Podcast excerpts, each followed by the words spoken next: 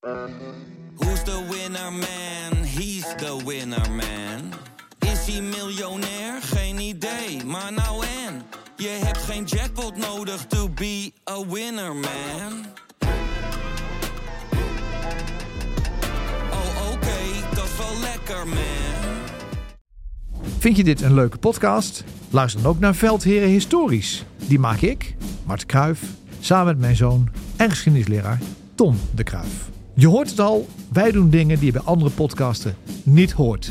Oftewel, to boldly go where no one has been before. Zo behandelen we ook de slag om Alesia, waar Julius Caesar van twee kanten door de Galliërs werd aangevallen. Hij zou zo'n 1 miljoen Galliërs hebben uitgemoord. En Asterix en Obelix klopt niet. Zeker, en zo bespreken we ook markante veldheren en legendarische veldslagen uit de geschiedenis. Zo kom je bijvoorbeeld te leren waarom het jaar 1870 misschien wel het belangrijkste jaartal is in de geschiedenis. Luister dus Veldheren Historisch via Podimo. En als je je aanmeldt via podimo.nl slash. Dan luister je 30 dagen gratis. AI. Extraordinary. Iedereen heeft het erover. Noem dit mijn cynische geest, maar ik ga dan gelijk denken: oké, waar kun je het allemaal voor misbruiken? Maar er gebeurt zoveel. Dat kun je toch niet bijhouden? Jawel.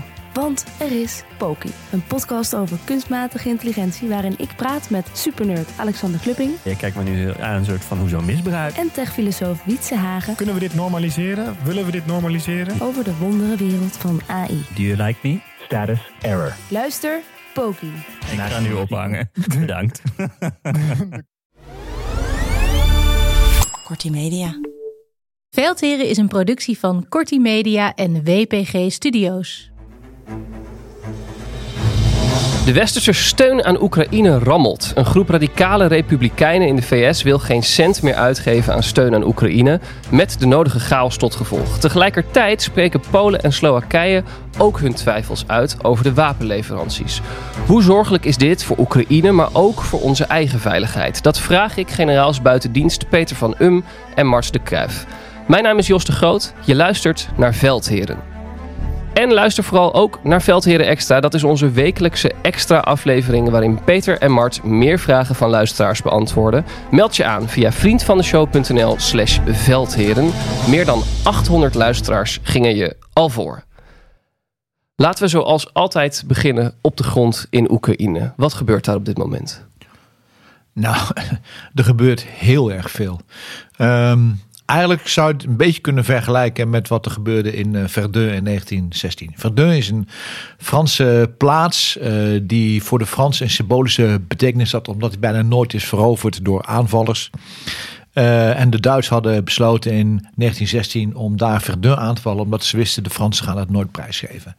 En de bedoeling was van de Duitsers om dan het Frans leger daar zeg maar te laten doodbloeden, letterlijk zo Ja. gezegd te laten doodbloeden. Zoveel mogelijk manschappen er naartoe trekken. Dus je had daar in de gevecht in de forten en in eh, de loopgraven had niets meer te maken met eh, oorlog zoals wij die nu denken te kennen, met cyber en ruimte. Het was man tegen man in de loopgraaf, schuddersput tegen schuddersput, krater tegen krater. Het heeft uiteindelijk heeft dat meer dan 500.000 doden gekost zonder enige significante treinwinst van de Duitse kant. In, op een kleinere schaal, maar wel net zo intensief, zie je dat nu ten zuiden van Robotine gebeuren. Hè? We zeggen dan dat de situatie daar fluïde is, maar fluïde betekent gewoon dat er dag in dag uit in loopgraven, zelfs met meerdere verdiepingen, loopgraven met meerdere verdiepingen en met tunnelstelsels, wordt gevochten. Dat gangen worden veroverd en heroverd, dat er troepen worden aangevoerd die enorme verliezen leiden daar ter plekke. Dus we denken alsof er niks gebeurt. Een beetje im Osten niks Neues. Hè? Naar het boek van Remark, in Westen niks Neues. En er gebeurt ongelooflijk veel op dit moment. Eigenlijk kun je zeggen, de uitslag van de gevechten die nu gebeurt bij Robotine zullen bepalend zijn voor het offensief of dat nog verder kan gaan of niet. We zitten nu echt op dat, Klaus noemt dat het culminatiepunt. Je wint of je wint niet. Nou, dat, dat, dat kun je nu zien. En dat betekent dat de gevechten nu van een intensiteit zijn die eigenlijk ongekend is. Eh, Zowel in deze oorlog als ook in de geschiedenis van Europa de laatste 80 jaar. Ja, eh, eh, dus eigenlijk ook wat je zegt. Er wordt heel veel gevochten, maar terreinwinst, dat is er niet echt, hè? Nee, eigenlijk zie je de frontlijn eh, niet of nauwelijks verschuiven. En als die verschuift, gaat het echt met een 100 meter tegelijk. En uh, mensen ja, kunnen wel zeggen van er gebeurt niks.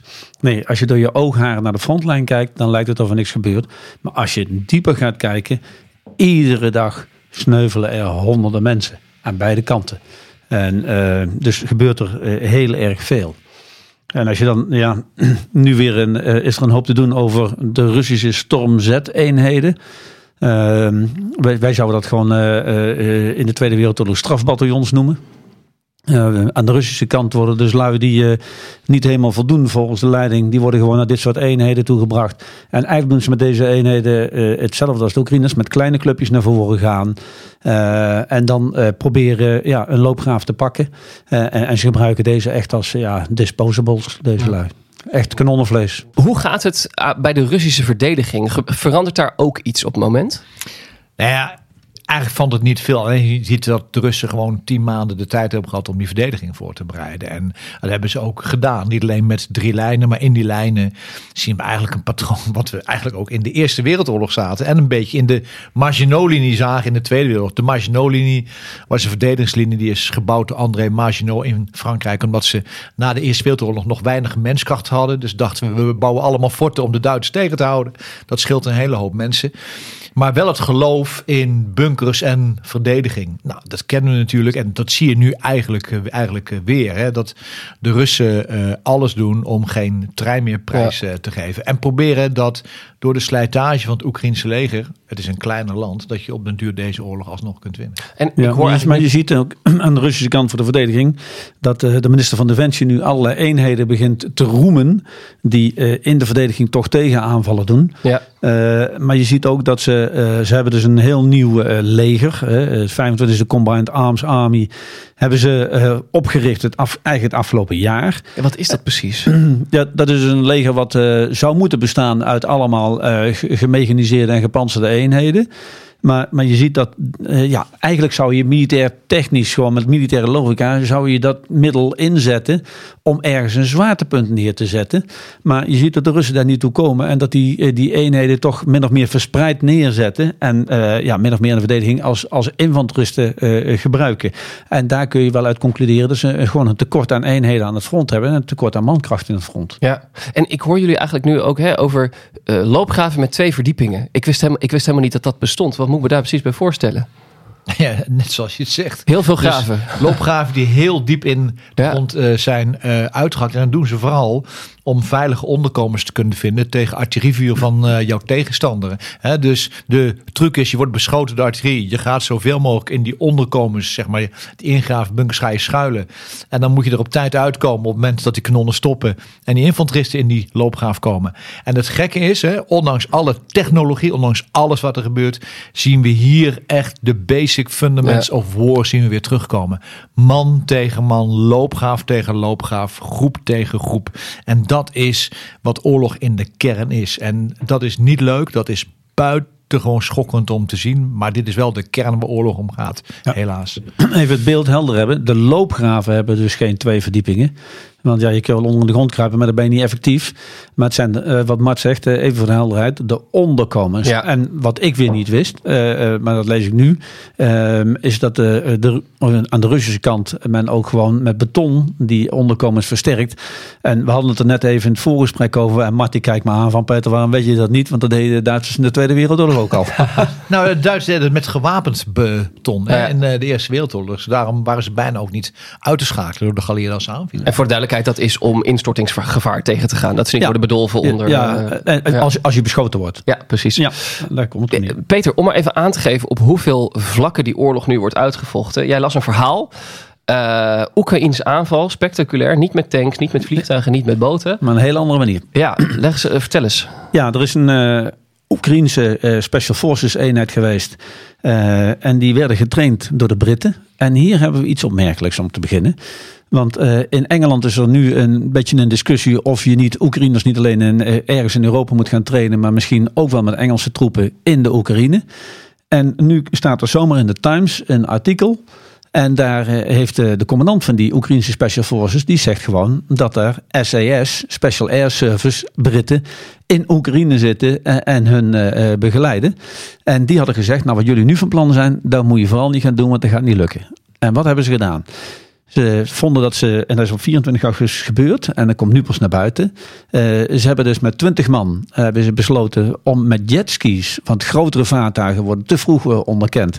Om dus twee man op iedere jetski. En dan moesten ze, om er te komen, meer dan 150 mijl geloof ik, over de Zwarte Zee. Ja, ze moesten twee of drie keer Ja. moesten ze brandstof erbij ingooien. En dan gewoon aan land gaan. En dan daar een, een Russische locatie aanvallen. En dan denken dat je daarna weer terug op je jetskis. eh, om dan weer die lange reis eh, terug te aanvaarden. En eh, tegen de adviezen van de SES in hebben ze dat gedaan. Ze zijn vlak voordat ze bij het object kwamen, zijn ze volgens deze man eh, onderkend. En hebben ze het moeten uitschakelen met hun antitankwapens die ze bij zich hadden. Zijn daarna weer een beetje vechtend teruggegaan naar hun jetskis, zijn opgestapt. En door onder andere een, eh, een schijnaanval met een aantal boten. En eh, ze het geluk hadden dat er een laag eh, wolkendek was. Ja. Hebben ze het nou nog geflikt ook. Kon ze uit de lucht niet goed gezien worden ja, door de konden ze dus niet Ja. uit de lucht goed gespot worden. En hebben ze de terugreis goed afgelegd. Nou, dat, dat is, ja, dat is zeer creatief. Hè? Dat is, Super en- risicovol. En, en, super risicovol. Dus ook heel erg dapper wat ze hebben gedaan. Maar dat, dat geeft nou weer eens aan ja, dat eh, de Russen op de Krim niet vrij zijn. En, Ja. de, en het, is, eh, het sluit ook een beetje aan bij wat eh, de Britse minister van Defensie nu heeft geroepen. Want die heeft geroepen dat eigenlijk de Russische Zwarte Zeevloot zo'n beetje weg is van de Krim. En nu op plekken zit waar ze eigenlijk geen invloed meer kunnen hebben op de oorlog in Oekraïne. Ja, en eh, dat is natuurlijk wel een eh, heel mooi resultaat van de Oekraïners. Ja, en die hele operatie met die jetskis, ik dacht die was bedoeld om voor het eerst een Oekraïense vlag weer te planten op de Krim. Dus Ja. eigenlijk zo'n risico, 20 mannen op een jetski door de, Voor door een de hele nacht, symbolische daad. om een, slag, om een vlag neer te zetten. Ja, ja. Maar ja, dat hebben we wel vaker gezien dat er ergens een vlag werd neergezet. Ja, dat is eh, waar. Ja. ja. En natuurlijk op het, dit is op het tactisch gebied, hè, daar gebeurt er heel erg veel. Op het operationele gebied gebeurt er niet zoveel. Dus die scharnierfunctie tussen strategie en tactiek. Het is niet zo dat troepen elkaar nu op de grond aan het uitmanoeuvreren zijn op grote schaal. Het, het, het vechten constateert is echt rond Bakhmut en eh, zuid van eh Robotine. En op het strategisch gebied, politiek, gebeurt natuurlijk heel erg veel. Hè? Want goed, we hebben natuurlijk Polen, dat noemde je zelf al even. Eh, dat moet natuurlijk voor de verkiezingen even afstand nemen voor wapen. Maar daar- daar komen we zo, hè, eh, uitgebreid. Oekraïne. Ja, eh, precies. Maar daar gebeurt dus echt van alles. Ja. En eigenlijk is de rode draad die we zien. We hebben al volgens mij al maanden geleden gezegd. wat cruciaal gaat worden voor toekomst Oekraïne is. Wat gaat Europa doen? Is Europa bereid om koste wat kost Oekraïne te blijven steunen? En we zien alles steeds meer die richting heen gaan. Ja. Ja, ik dacht even maar dat je een ander woord zou gebruiken. Want ik ben het zeer met je eens. Eh, ze zijn niet bezig elkaar uit te manoeuvreren. Maar ze zijn bezig elkaar uit te moorden. Attritie. Ja, het is gewoon het slijten van de ander. Zodat uiteindelijk die eenheden geen gevechtseffectiviteit meer hebben. Dat, dat is er nu gewoon aan de hand. Ja. We, krijgen een vraag van een luisteraar. Patrick Kemperman schrijft ons het volgende. Ik sprak afgelopen week een voormalig Oekraïense dame. Zij woont inmiddels al vanaf begin 2000 in Nederland, maar heeft nog familie en vrienden in Oekraïne. Ik vertelde haar over de podcast en de voorzichtig optimistische verhalen van Mart en Peter. Onder andere over het gebrekkige materieel van de Russen, het lage moreel, de dramatische bevelstructuur, etc. Daartegenover de grote motivatie bij de Oekraïense manschappen, de grote steun van de NAVO-landen en de doorbraken die geforceerd worden op diverse plekken. Deze dame gaf mij aan dat de werkelijke motivatie bij veel Oekraïners fors aan het zakken is. Dat de corruptie in het land enorm is, dat veel materieel op instorten staat en dat Rusland dagelijks 2000 soldaten weet in te lijven. Met name door met de geldbuidel te zwaaien. Ze geeft aan dat het beeld dat wij in de media zien geheel niet strookt met de verhalen die zij hoort van de mensen die met de voeten in de puinhopen staan. Hoe moeten we dit verschil van informatie en inzicht duiden en wat moeten we nog geloven? Want er wordt zoveel onjuiste informatie de wereld ingeslingerd dat het moeilijk wordt om te duiden wat waar is en Ja. wat niet. Maar juist daarom is het goed om je bij de feiten te houden. En wij proberen echt alleen maar naar het slagveld te kijken, naar de feiten die we zien. En dan is het tot op dit moment is het nog steeds zo dat een groot leger, als het Russische leger, dat probeert om verlies aan te vullen en steeds groter te worden. Dat is zo. Nog steeds niet in staat is om het initiatief over te nemen en te zorgen dat het Oekraïns leger moet reageren op wat de Russen doen. Dat is, dat is gewoon een feit. En dat is opmerkelijk, omdat natuurlijk een veel kleiner land is met minder mensen en voor steun volstrekt afhankelijk is van de Verenigde Staten en Europa. Dat Rusland er alles aan doet, en dat is ook duidelijk, om het eigen leger groter te maken om de oorlog op tijd te voeren en toch deze oorlog te gaan winnen is duidelijk. En we weten ook dat motivatie slijt naar verloop van tijd. Als jouw collega's naast jou sneuvelen in de loopgraaf, dan heeft dat natuurlijk een enorm effect. Dat is ook een van de redenen dat Poetin denkt, als ik het maar over tijd doe, dan kan ik winnen. Maar wat er bij Oekraïne sluit, slijt ook bij de Russen aan de andere kant. Vergis je niet. Als jouw incentive is, als jouw prikkel is, ik ga geld verdienen, dan ga ik in het leger. Die motivatie die verdampt als sneeuw voor de zon op het moment dat je je eerste gevecht hebt gehad hoor. Ja. nou, laten we er even van twee kanten naar kijken. Uh, als je naar de Russische Federatie kijkt, dan zie je dat ze zelf zeggen dat ze, want er werd een aantal van 2000 per, per maand genoemd. Nou, zelf zeggen ze dat ze dit jaar alleen al zo'n 335.000 vrijwilligers hebben binnengehaald. Ja. Um, maar ja, ik hoor nu ook verhalen over Cubanen, Nepalezen. Uh, ze halen ze uit, uh, weet ik wat voor uh, randgebieden. En, en de vraag is natuurlijk hoe groot uiteindelijk ja, het moreel en de gevechtsbereidheid ja. van, van dit soort mensen is. En je kan je ook nog afvragen of je het moet geloven natuurlijk. Ja, ook dat. Zeker dat aantal, daar moet je een paar vraagtekens achter zetten. Ja, daarnaast hebben ze het nu, in ieder geval de komende maanden, een nieuwe opkomst van dienstplichtigen. En, en ja, daar denken ze toch zo'n 130.000 dienstplichtigen mee binnen te halen. Maar er is nadrukkelijk uh, publiekelijk gesteld dat die dienstplichtigen niet naar Oekraïne toe gaan. Ja. Niet naar uh, de oorlog toe gaan. Maar ongetwijfeld zal er grote druk op die dienstplichtigen komen om zogenaamd vrijwillig te tekenen en alsnog naar het front te gaan. Ehm, maar ja, ik heb ernstige twijfels over uh, uh, wat het moreel is. En we moeten nog maar zien of ze dat aantal van die 130.000 halen. En hoeveel er al vanuit Rusland verdwenen zijn naar het buitenland. Of gewoon weigeren om op te komen. Ze hebben wel veel wetten aangenomen om uh, zwaar te straffen als je onder de dienstplicht uitgaat. Maar we zullen zien wat dat oplevert. En als je naar Oekraïne kijkt, ja, het woord corruptie valt. Ja, het land Oekraïne komt wel uit de Sovjet-Unie. Daar was het hartstikke duidelijk dat het heel veel corrupt is. En dat is nog steeds zo in de Russische Federatie. Uh, wat tientallen jaren in een land zit, dan mag je niet van Zelensky verwachten dat hij met zijn regering dat er eventjes in twee jaar uitramt. En terwijl het oorlog is. Terwijl het ook nog eens oorlog is, zeker. Uh, en ja, hij, je ziet dat hij af en toe ook echt optreedt. Hè? Uh, minister van Defensie ja. weg, onderministers weg. Uh, hij heeft de, de basis van de selectiecentra, de recruteringscentra heeft hij uh, verwijderd. Dus Zelensky snapt donders goed dat hij daar iets aan moet doen. Voor zowel intern in zijn land, maar ook als hij straks bij de EU wil gaan komen. Dus die corruptie die is er, maar die ram je er niet zomaar uit. En dan de mentaliteit. Ja, het is wat Maart zegt. het, het land leidt gewoon zwaar. De bevolking leidt zwaar. Is het dan raar ja, dat de motivatie soms ook een beetje sluit bij die mensen? Uh, dus ik vind het heel begrijpelijk. Uiteindelijk kijken wij naar, zoals Matt zegt, naar uh, wat er gebeurt uh, op het militaire toneel. En daar zien we dat de motivatie van de Oekraïnse strijdkrachten toch altijd vele malen groter is dan die van de Russische strijdkrachten. Ja. Want wij horen de, uh, bij de Oekraïners niet over Storm Z-eenheden, wat ik net al zei. We horen niet over eenheden die achter een eenheid, voorste eenheid wordt geplaatst om er vooral voor te zorgen dat niemand achteruit loopt.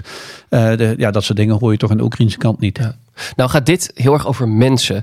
Hoe zit het eigenlijk op dit moment met de Russische voorraden aan wapens en munitie? Nou ja, um, we horen uh, toch wel veel klachten van ook van eenheden aan het front. Dat ze uh, tekorten, uh, tekorten hebben. Dat nieuwe 25e leger, daar zijn ook wel berichten van. Dat die niet alles hebben wat ze zouden moeten hebben. Ehm, dus aan de ene kant is het niet best aan de Russische kant. Maar aan de andere kant krijgen we ook wel degelijk signalen dat de defensieindustrie in Rusland zijn been aardig aan het bijtrekken is. En dat de productie van bijvoorbeeld kruisraketten, dat die echt aanmerkelijk toeneemt. Dat de productie van drones aanmerkelijk toeneemt. Dus uh, ze proberen dat wel in de greep te krijgen. En uh, het ziet er naar uit dat ze dat heel lang vol kunnen houden. Maar ja, als je dan weer hoort dat ze momenteel weer uh, uh, luchtverdedigingskanonnen uit 1950 aan het inzetten zijn. Dus het is heel dubbel aan de Russische kant. Ja. We krijgen hierover een, een vraag van luisteraar Michael Ritsen. Hij schrijft: Ik volg het conflict in Oekraïne al vanaf de eerste dag en laat mij met grote regelmaat positief verrassen door de acties en de weerbaarheid van onze Oekraïense medemensen. Maar dit leidt mij wel naar een belangrijker vraag. Waar ik al een tijd mee rondloop. Gebaseerd op een berichtgeving dat de NAVO-landen vrij kleine voorraden aan munitie, voornamelijk 155 mm munitie, hebben, welke ze makkelijk kunnen weggeven aan Oekraïne, vroeg ik mij af waarom wij in Nederland geen eigen fabrikage van munitie hebben. Zou het niet economisch en strategisch beter zijn om een gedeelte van onze eigen munitie zelf te maken? Denk hierbij aan klein kaliber munitie, zoals de 5.56 en de 7.62, maar ook artilleriemunitie, zoals 105 mm en 122 mm. Afhankelijk zijn van andere landen in het geval van een conflict kan toch gevaarlijk zijn. Nou, er zitten wat specialistische tussen. Ja, maar, maar uh, ja, ga erop in, zou ik zeggen. Ja, laten we dat eens vanuit de helikopter gaan uh, benaderen. Uh, voor, voor Poetin en voor andere leiders is het gebruik van militair vermogen om hun persoonlijke doelen te bereiken een volstrekt legitiem middel. Bij ons in het Westen gaan we onze krijgsmachten pas gebruiken als er niets anders meer kan. Als we alle politieke, diplomatieke, financiële middelen hebben uitgebouwd. Dat is op zich niet erg en ethisch volkomen juist. Alleen dan begin je altijd op achterstand. En dus moet je goed nadenken, wat betekent dat dan? En moet je de voorwaarden scheppen om een achterstand snel in te kunnen lopen. Die denkwijze hebben wij nooit gehanteerd. We hebben gewoon zonder visie, genadeloos, alleen op economische motieven, hebben we de industrie afgeschaald. Ook in Nederland. We hadden een hele goede naam met de Hembrug. Eh, als je praat over munitie, eh, dat zelf bouwen, dat zelf maken. Maar dat hebben we afgeschaald omdat economisch niet meer rendabel was. Zonder daar ook een politiek-militair strategische afweging tegenover zetten. En we hebben dus geen Europees of Nederlands strategisch industriebeleid. Daar betalen we nu de prijs voor. En het wordt nog belangrijker. Want nu zien we wat er in de, de VS gebeurt. Daar gaan we het later wel over hebben. Maar er blijkt dus dat eigenlijk Europa de cruciale steun moet leveren en blijven leveren aan Oekraïne. En dat is een grote zwakte die wij hebben.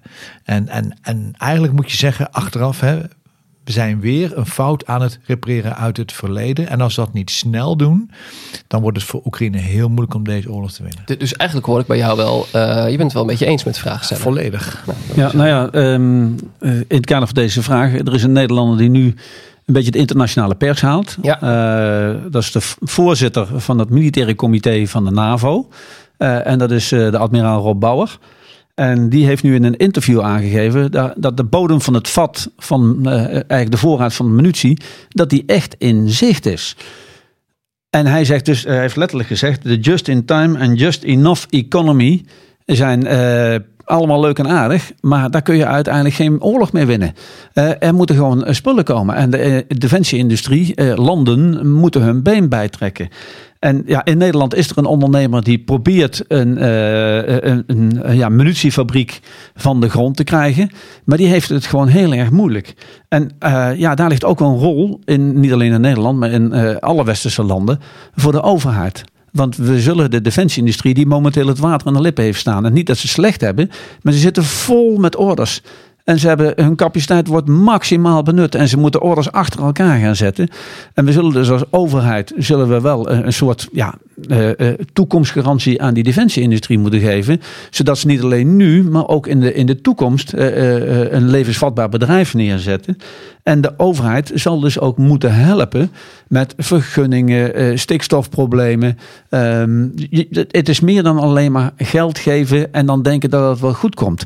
En laten we niet vergeten dat de afgelopen jaren er een mentaliteit in ons land is ontstaan. waarbij banken weigeren om leningen aan bedrijven in de defensieindustrie te geven. Want dat vonden we niet, uh, nou, niet kosher of hoe je het ook noemen wilt. Dat noemden we dan wapenindustrie hè, in plaats van defensieindustrie. Oh ja, ja dus ook banken zullen eens een keer hun been bij moeten trekken. En eens gewoon moeten kijken van wat is er nou verdomme in de wereld aan de hand.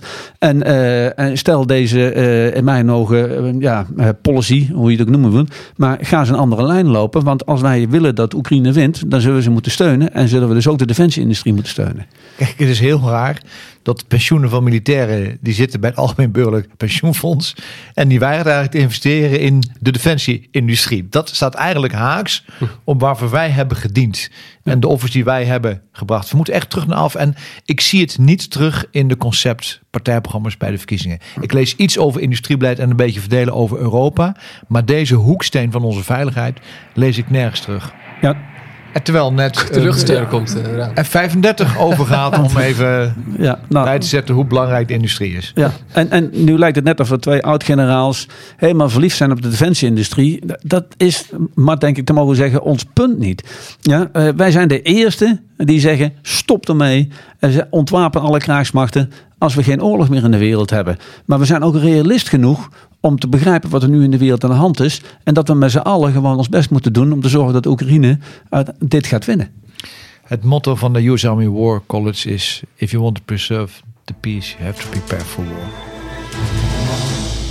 Dat brengt ons bij het thema van vandaag. De westerse steun aan Oekraïne. Die vertoont barsjes. Hoe zorgelijk is dit voor Oekraïne, maar misschien ook wel voor onze eigen veiligheid?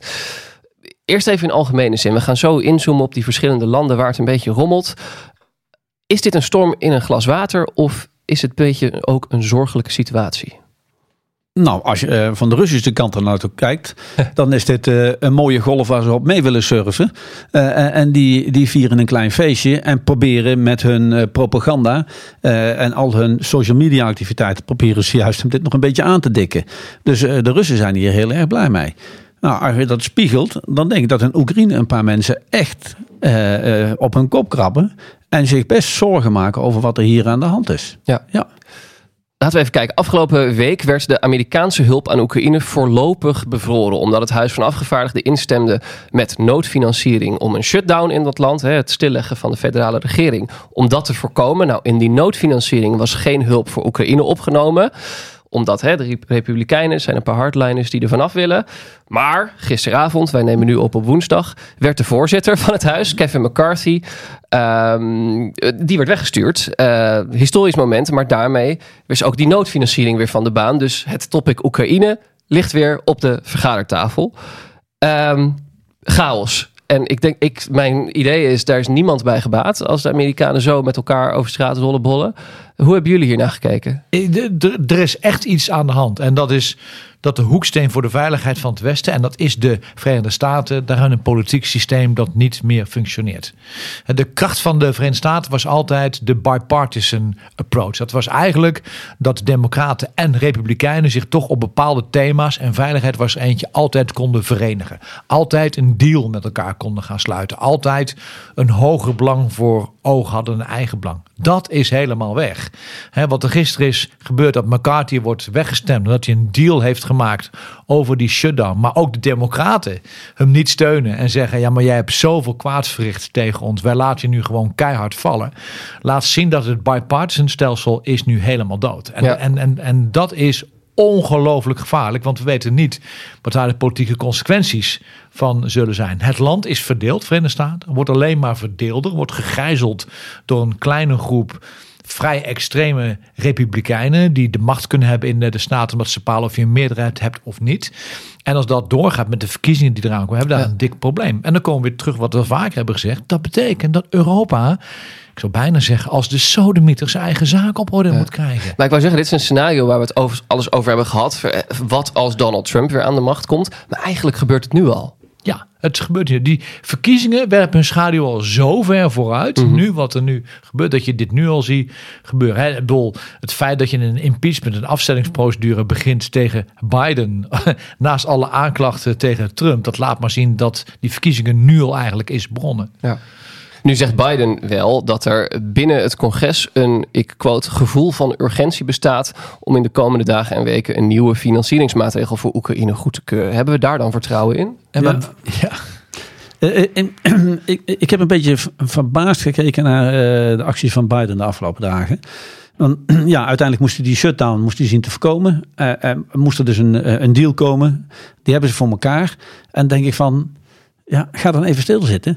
Maar Biden heeft enorm op de trom geroffeld dat McCarthy vooral eh, eh, aan zijn verplichting moest voldoen. Want hij had toch wel eh, een deal gesloten. Dit gaan we doen en daarna ma- maken we nog een mooie pleister om toch weer een hoop geld voor Oekraïne te krijgen.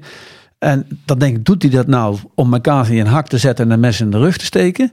Ja, eh, want dat, dat is wel extra ja, olie op het vuur eh, in het Huis van Afgevaardigden. Waar, waarbij die, die, die rechtse eh, afgevaardigden McCarthy gewoon weg willen hebben. Dus ja, was dat nou zo handig? Eh, of heeft hij het misschien heel doelbewust gedaan? Ik kan het nog niet helemaal lezen. Eh, maar, maar het gevolg is wel dat iedereen zit daar nu naar elkaar te kijken. Ja. En eh, eh, de, de man in dit geval achter McCarthy, eh, de, de, de tweede man, ja, die heeft momenteel een behandeling lopen voor kanker. Hmm. Dus ja, is dat dan de persoon die, eh, die daar de kou moet gaan trekken? Hè? terwijl degene die hem hebben, eh, die McCarthy hebben afgezet, zeggen van dat deze man is voor ons nog acceptabel. Maar ja, eh, die, die zit momenteel in de chemo's. Dus ja, ik weet, ik weet niet welke kant het op gaat. En ik denk ook wel als Amerikaan nu, hè, Martin zegt het is zo verdeeld. Je moet ook wel echt met een steengoed verhaal komen. Wil je nog die steun voor financiële en militaire steun aan Oekraïne, wil je dat verhaal kunnen vertellen, toch? Ja, kijk, het isolationisme is eigenlijk van alle tijden in de Verenigde Staten. In de Eerste Wereldoorlog, in de Tweede Wereldoorlog. En op een gegeven moment komt er toch een soort sense of urgency dat we denken, ja, maar dit kan niet verder, dus we moeten gaan ingrijpen. Of je wordt aangevallen, zoals in Pearl Harbor in de Tweede Wereldoorlog. Nou, die sense of urgency, nu bij de Verenigde Staten, die zie je eigenlijk dat die bij groot delen van het congres is hier niet. Is hier niet. En, en dat, het wordt nog een keer gevoed door het feit, dat zou ik ook zeggen. Ja, Europa, aardig van jullie, maar jullie voldoen al jaren niet aan je bijdrage aan NAVO. En nou moeten wij het moeten weer allemaal gaan fixen. Zoek het even lekker uit. En daar hebben ze volstrekt een punt. Hè? Zelfs in Nederland gaan we na tien jaar beloftes, dit jaar nog niet, de 2% bruto nationaal product halen. En dan hebben we nog de extra geld we hebben vrijgemaakt om wapens te kopen voor Oekraïne, wat buiten de begroting stond, hebben we nu in de begroting van Defensie gesluist. Dat is gewoon de boel pimpen. Ja. Dus we doen nog steeds niet wat we moeten doen. En het komt steeds op hetzelfde antwoord terug. Als Europa veilig wil zijn, moet Europa zijn verantwoordelijkheid nemen. Dat En- doen we niet. Nou, ik heb wel begrepen, maar dat dat geld voor Oekraïne ja, eh, staat naast het verhaal van de 2%. Ja, dus dat komt er echt bovenop. eh. Nou, dan gaan we die eens uitzoeken, want volgens mij is het in de begroting gezet. Om dat te pimpen dit jaar. Kijk. Komen wij Dus- hier volgende week op terug? Is dat Dus, eh, nou ja, een, lu- een luisteraarsvraag is vast van mensen die ons hierbij kunnen helpen. Ja, ja. Dat Zo is het of niet. En nog even- Laten wij eens een vraag stellen aan de luisteraars. Dat kan ook. Nog even naar Amerika. Hè? We zien het, het rommelt. Stel nou die Amerikaanse steun aan Oek- Oekraïne stopt. Verliest Oekraïne dan de oorlog? Ja. En hoe ziet dat eruit? Betekent dat dat Rusland alsnog heel Oekraïne gaat veroveren? Hoe moet ik me het voor? Want hè, we weten, eh, eh, Europese, eh, Europese landen geven veel geld, maar de grote wapensystemen, de HIMARS, de Patriots, de ATACMS, die komen uit Amerika. Ja, het is, echt in een glazen bol kijken.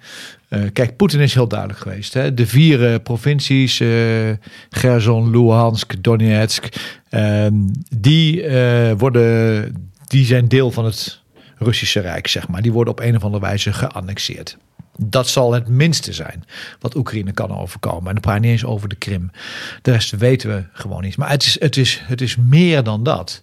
Het is niet alleen Oekraïne. Maar als je in de Baltische Staten woont, en dat zeggen we ook niet voor het eerst, of je woont in Polen, maar vooral die Baltische Staten zeggen, gaat NAVO de derde wereldoorlog beginnen omdat wij worden aangevallen? Daar twijfelen we ernstig aan.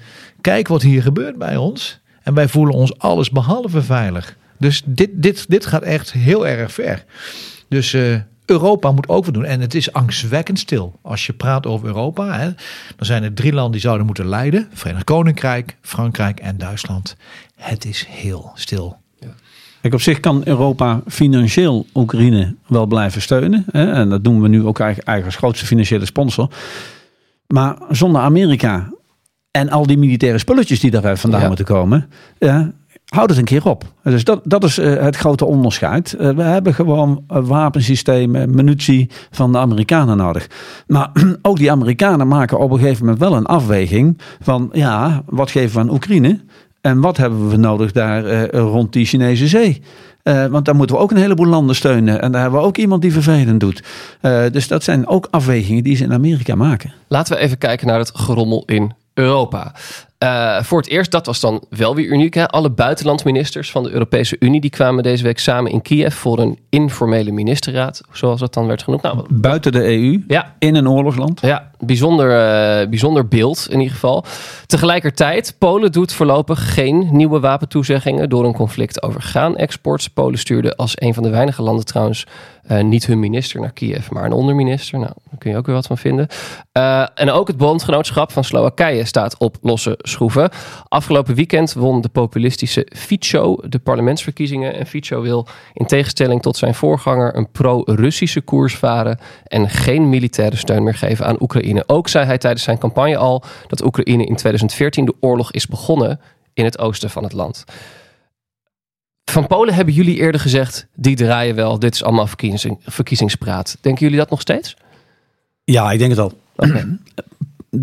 De Polen begrijpen donders goed hoe belangrijk dit eh, conflict in Oekraïne is en hoe belangrijk dat voor hun is. En eh, laat één ding duidelijk zijn, eh, de Polen vinden de Russen ook niet leuk. Ja, en die hebben heel wat geschiedkundige ervaringen met de Russen. En de leider van de PIS-partij, die heeft er zijn eigen broer aan verloren, vindt hij in ieder geval. Ehm, dus dit is in mijn ogen echt eh, verkiezingsretoriek. En eh, die PIS-partij moet weer aan de macht komen. Eh, want anders dan hebben ze een groot probleem voor de leden van hun partij, om het zo maar te zeggen. Dus ik denk dat dit wel weer langzamerhand op een gegeven moment de goede richting ingaat. Moet ik het dan ook niet groter maken dan het is dat zij een onderminister stuurden? Nou ja, ik, Diplomatiek ik, kan ik dat geloof, dan- geloof dat onze, signaal vanuit, onze nieuwe minister van Buitenlandse Zaken zijn geloof Ja. ik dat f- formeel die minister COVID had. Ja. Eh, dan zie je dat ze, dat ze niet uit huf, hufterigheid, Ja. maar dat ze toch wel een smoes verzinnen om het een beetje accepté te maken Ja. dat hij niet is. Ja. Maar het signaal is gegeven, Ja, toch? signaal is gegeven. Ja, kijk, je moet je sowieso zorgen maken. Het feit dat je dat gebruikt voor politieke doeleinden, of wat in Slowakije nu gebeurt, alhoewel er wel een coalitie moet worden Mhm. gevormd. Dat zijn natuurlijk allemaal dingen waarvan je ziet, hey, eh, er is iets aan het veranderen. Kennelijk hebben de Russische diepe mediacampagnes ook succes in Slowakije, want er is een enorm hoop misinformatie Ja. uitgestrooid over eh, eh, de bevolking. Echt krantenvol. Ja, daar moeten we ons best wel zorgen over maken. En, en, wat, en wat mij een beetje angst maakt, is dat we altijd in een reactieve mode zijn. Wij reageren op wat er ergens gebeurt. En we zijn nog niet duidelijk in staat om te formuleren wat willen we nou als Europa en hoe moeten we dat dan ook gaan doen. En er wordt hard tijd dat we daar echt iets aan gaan doen. Ja. En, en laten we even kijken, eh, dat is bij beleggingen geloof ik ook, hè, de resultaten van het verleden geven geen garantie voor de toekomst. Maar Fico is eh, alles bij elkaar al zo'n tien jaar eh, prime minister eh, daar geweest. De winnaar in Eh, Slo- Slowakije. Ja, ja. ja. En, en dus eh, eh, hebben we toen ook met die man eh, zaken kunnen doen. En heb ik in ieder geval nooit vernomen dat ze zo hard aan de rem trokken in in de EU.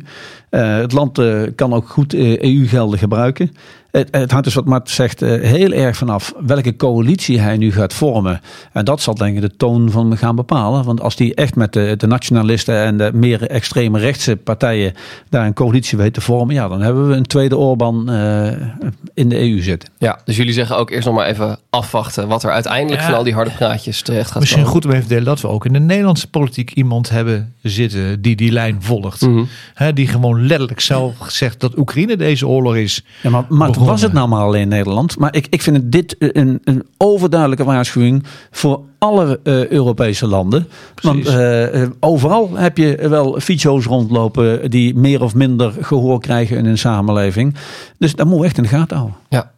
Eh, Want ik vraag me inderdaad ook af van wat kunnen wij daar hiervan gaan merken? Bijvoorbeeld hè, EU-buitenlandchef Jozef Borrell, die zei in Kiev: Ik zie geen enkele lidstaat wankelen. Nou, de realiteit is volgens mij ietsje anders. Eh, wat denken jullie? Dat, hoe, hoe gaan we dit hier merken? Wat betekent dit iets voor onze veiligheid? Nee, ik denk het niet direct. Maar we gaan natuurlijk in de EU nog moeilijkere discussies krijgen. En zeker als het gaat over de steun eh, van de Oekraïne. Er is nu weer eh, een, een- bult geld, dat was het geloof ik 50 eh, miljard, weer toegezegd. Dat moet nog allemaal wel eh, bij elkaar gehaald worden. Maar het is wel weer eh, toegezegd door de EU. Ehm, en daar zullen in de toekomst echt eh, stevige discussies over gaan. Als niet alleen Orbán, maar ook eh, Slowakije eh, daartegen gaat protesteren. Ja. Nou, we krijgen ook Europese verkiezingen binnenkort. Hè? En de vraag is wel wat voor Europese commissie je dan weer eh, eh, krijgt. Dus er zijn best wel een heleboel vraagtekens. En, en eigenlijk moet je constateren dat de afweging die Poetin heeft gemaakt, tijd kan voor mij werken. Nou ja, dat hij daar niet ongelijk in heeft tot nu toe. Nee.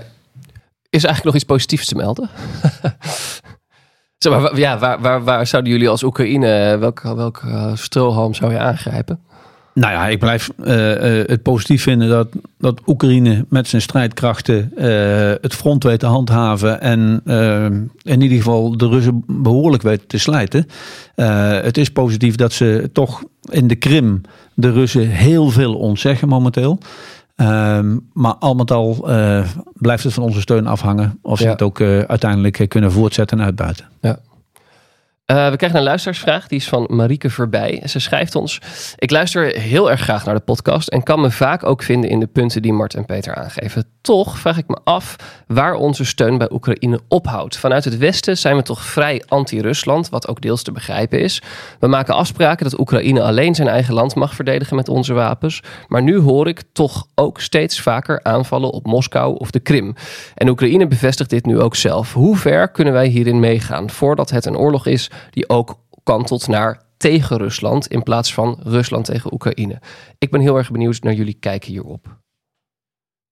Ja, nou in deze vraag zitten een heleboel dingen waar ik eh, toch even eh, ja, wat uit elkaar wil halen. Allereerst, eh, ik ben niet anti-Rusland en ik, ik zag Mart net ook knikken. Wij zijn tegen wat Poetin doet en wat zijn regime doet en de ellende die hij veroorzaakt. Eh, maar laten we vooral niet vergeten dat ook de Russische bevolking behoorlijk lijdt onder wat hier allemaal gaande is. Dan wordt op één hoop gegooid eh, een aanval op Moskou en een aanval op de Krim. Dat vind ik echt twee verschillende dingen. Natuurlijk zal de Russische federatie zeggen dat de Krim bij hun hoort. Maar eh, de rest van de wereld vindt toch echt dat de Krim bij Oekraïne hoort. En dat is wat anders eh, als je de Krim aanvalt. Of dat je een aanval doet op Russisch grondgebied of bijvoorbeeld Moskou. Eh, en het, het, Westen heeft eh, Oekraïne duidelijk gemaakt. eh, je mag rustig aanvallen doen op eh, grondgebied wat van jou is. Maar eh, we zijn niet zo blij als je aanvallen doet op het oorspronkelijke gebied van de Russische Federatie of Moskou. En dat zijn echt wel verschillende dingen. Ik snap heel goed dat Zelensky heeft gezegd: we brengen de oorlog ook naar jullie toe. En dat hij daarom eh, aanvallen doet. En niet alleen op Moskou trouwens. Eh, eh, recentelijk zijn er weer aanvallen in de buurt van Koers geweest. Dus dus dat, dat snap ik heel goed. Maar daar hebben we als Westen in ieder geval wel een, een streep getrokken van. Dat gaan wij voor jou voorlopig niet faciliteren. Maar. Eh, je ziet in Amerika de eh, discussie over attackums. Daar hebben we het eerder over gehad, hoeven we niet meer uit te leggen. Met een lange dracht. Eh, in de kranten lees je nu gewoon dat de militairen in Amerika al bezig zijn om zich voor te bereiden om die dingen te leveren. Het is alleen nog een besluit van Biden. Nou, er zijn al lange, lange dracht raketten door de Britten en de Fransen geleverd. Dus ook daar zie je langzamerhand schuiven. Maar nog iets aan toe te voegen? Ja, je kunt niet boksen met een hand op de rug. Dat is het probleem. En als je vecht voor het voorbestaan van je land, hè, dan probeer je een tegenstander overal aan te grijpen waar je denkt dat je effect hebt. En dat je door politieke context dat soms anders moet aankleden, dat begrijp ik heel goed. Want je zoekt een soort, een soort balans zoeken we in het Westen van in hoeverre kunnen we Oekraïne blijven steunen zonder Rusland te veel tegen ons in eh, te nemen. En mogelijk is het ook wel deel van afspraken tussen China en de Verenigde Staten, dat weet ik niet. Maar die geruchten zijn er wel. Maar als je vecht voor je land, dan kun je niet boksen met een hand op de rug. Dat is wat er aan de hand is. Ja. En, en, en, en, en dat besef moeten wij goed weten. En als je in de loopgraven vecht, waar we het net over hadden, elke dag weer en je probeert 20 meter naar voren te komen en je voelt dat de steun uit het Westen, dat die gaat wankelen of beperkt is, dan heeft het natuurlijk een hele grote invloed op de effectiviteit van oorlogvoering. In eh, Nieuwsuur zei eh, Oost-Europa-expert van Klingendaal, Bob Deen, die zei: We moeten het volhouden tot de houding van Rusland verandert. Ik zou zeggen, Bob heeft goed naar ons geluisterd. grapje Bob, grapje Bob. Grapje Bob, maar volmondig eens. Maar hij dus, heeft zo voorkomen Ja. gelijk. Ja. Eh, laten we voor we nog even naar volgende week kijken, afsluiten met een hele mooie luisteraarsvraag, vond ik. Eh, die komt van Jolien van Horik. Zij schrijft ons. Ehm, eerst dank voor de bijzondere ervaring van zaterdagavond. Zo ontzettend gaaf om jullie te zien en te horen nadat ik de podcast vanaf dag 1 volg. Na een bevlogen avond in de Schouwburg van Haarlem, waar wij natuurlijk onze theaterversie van Veldheren lieten zien, eh, stelt zij alsnog haar vraag via deze weg. Zij schrijft ons: We hebben in de zaal gesproken over de vechtbereidheid van het Nederlandse individu en van onszelf. De vraag over herinvoering van de dienstplicht en hoe het is gesteld met onze jeugd heeft ook geklonken. Mijn vraag als moeder van een elfjarige zoon die sinds de oorlog in Oekraïne heeft bedacht dat hij wil vechten in de voorste linies. Hoe steun ik mijn zoon in het maken van zijn eigen keuzes wanneer ik er zelf buikpijn van krijg dat hij zou vertrekken naar het front? En hoe begeleid ik zijn zusje die s'avonds niet kan slapen omdat ze bang is dat haar broer over een paar jaar gaat dienen en sneuvelt? Deze vragen bieden toch een ander perspectief qua opvoeden. Van wat mij als moeder te doen staat om mijn kinderen bewustwording mee te geven omtrent onze niet zo vanzelfsprekende vrijheid. Ja, dat is een uh, indringende vraag. En ik, ik snap het uh, dilemma van deze moeder. Um, we hebben een mooi theatercollege uh, mogen doen in Haarlem. Uh, en aan het eind van het college waren er al een hoop vragen gesteld in de zaal. En uh, Mart en ik, en Jos trouwens ook. Zeker. Wij zijn het publiek ingegaan en in de foyer en hebben daar onze boeken gesigneerd. En dan krijg je wederom allerlei vragen van mensen. Maar blijkbaar is het deze moeder niet gelukt om nee. door de massa heen te nee. dringen. Um, ik, ik heb deze vraag ook in de theatercollege die ik eerder heb gedaan regelmatig gekregen. En uh, ook een keer toen de moeder met haar dochter op de voorste rij zat. en ik heb die moeder gezegd: ga in gesprek met je kind. Kijk of ze echt op de juiste manier gemotiveerd zijn om deze beroepskeuze te maken. En dan, je kinderen hebben het recht om hun eigen keuzes te maken. En probeer ze dan zo goed mogelijk te steunen, hoe moeilijk dat ook is. En deze moeder, uh, gelukkig is de jongeman uh, 11, begreep ik. Die heeft nog even tijd. Mm -hmm. uh, maar ga wel dat gesprek met hem aan. want hij doet het uit oprecht goede ideeën. Maar of dat nou echt een motivatie voor een beroepskeuze is, dat is wat anders. Dus, dus blijf het gesprek met hem aangaan. Leg hem uit hoe de wereld in elkaar steekt. en probeer dat ook aan, aan het zusje duidelijk te maken. De, de moeder geeft hier ook wel het dilemma van het thuisfront van militairen aan. Ja. ja. Er is geen enkele moeder die haar kind naar het front wil zien gaan. Die zijn er niet. En uh, als je naar Margaten gaat, de begraafplaats waar 8000 Amerikanen liggen, dat zijn 8000 moeders die een onvoorstelbaar offer hebben gebracht. Dus ik begrijp helemaal uh, wat deze mevrouw denkt. Maar uh, dan moet je ook vragen, hoe voorkom ik dan dit soort offers? En dat is het office, dat voorkom je alleen maar in de wereld zoals wij nu leven. Door geen zwakte te tonen, maar ook krachten te tonen. En te laten zien van iedereen die onze vrijheid denkt te kunnen aantasten. De prijs daarvoor zal zo hoog zijn dat hij dat wel uit zijn hoofd laat. Want wij zijn bereid, niet alleen fysiek, niet alleen met middelen, maar ook mentaal om te vechten voor onze vrijheid. En, en dat is wel de hoeksteen van het feit dat wij al 80 jaar in vrede leven. En dat moeten denk ik elke dag weer beseffen. Ja, ik, terwijl Mart spreekt, uh, bedenk ik mij dat er één ding uit deze vraag uh, nog even misschien uitgelicht moet worden. Want er zijn misschien wel meer mensen, net zoals deze jongen, die denken van ik ga de Oekraïners helpen door daar te vechten. Dat is niet de meest verstandige manier. Ja, uh, laat de Oekraïners uh, dat gevecht voeren in hun land. kijk hoe je in Nederland uh, gewoon steun kunt genereren uh, je, door eigen actie um, om de Oekraïners te helpen. Maar uh, om als een vreemdeling vanuit het buitenland daar naartoe te gaan om daar mee te vechten, dat levert vaak meer problemen op dan dat het oplossingen biedt. En tegen het zusje zou ik willen zeggen, nou, kijk eens hoe mooi het is dat je elke avond in vrijheid kunt gaan slapen. En vraag eens aan mensen waarom dat zo is. We kijken nog even naar volgende week. We hebben natuurlijk besproken, het is een hele pittige, belangrijke fase waar we op dit moment mee te maken hebben. Hoe denken jullie dat we hier volgende week zitten? Ja, ik, ik heb al gezegd, dit, dit zijn de beslissende weken voor deze fase van het offensief. En ik weet niet welke kant het op gaat. Maar nu vindt een ongekende krachtmeting plaats in de loopgave Zuid van Robotine. Daar kijk ik vooral naar. En daar kijk ik vooral. En natuurlijk neem ik alles mee wat met strategie te maken heeft en landen om ons heen. Maar ik kijk nu vooral naar Robotine, wat daar gebeurt. Want moet je eerlijk zeggen, met de ervaring die ik heb, dat geeft mij wel pijn in de buik. Als je weet dat daar nu op dit moment gebeurt. Ja, daarnaast blijven we natuurlijk uh, volgen hoe het met de haarscheurtjes gaat aan de westerse kant. Ja. Ik lees ook nog tot slot hoor, dat de Amerikaanse zeggen, uh, Amerikanen zeggen Oekraïne kan nog vechten tot eind oktober. Hè, omdat dan die grote weersveranderingen en zo eraan komen. We hebben al vaker gezegd dat het gevecht in die loopgraven door. hangt niet zo van het weer af. Nee, oké. Okay. Dat gaat door. Helder, wij praten volgende week verder. Dit was Veldheren voor deze week. Mijn naam is Jos de Groot. Naast mij zitten generaals buitendienst Peter van Um en Mars de Kruijf. Wil je hen een vraag stellen? Mail ons dan op veldheren.cortimedia.nl C-O-R-T-I Media is dat. Blijf vooral je vragen insturen. Dat kan ook via X en via Instagram.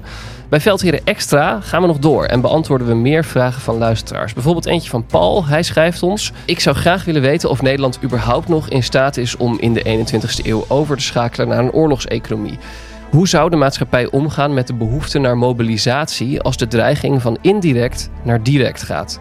Ben je benieuwd wat Mart en Peter daarover te zeggen hebben? Luister dan verder via vriendvandeshow.nl slash veldheren. Hopelijk zien we je daar. Sowieso tot volgende week.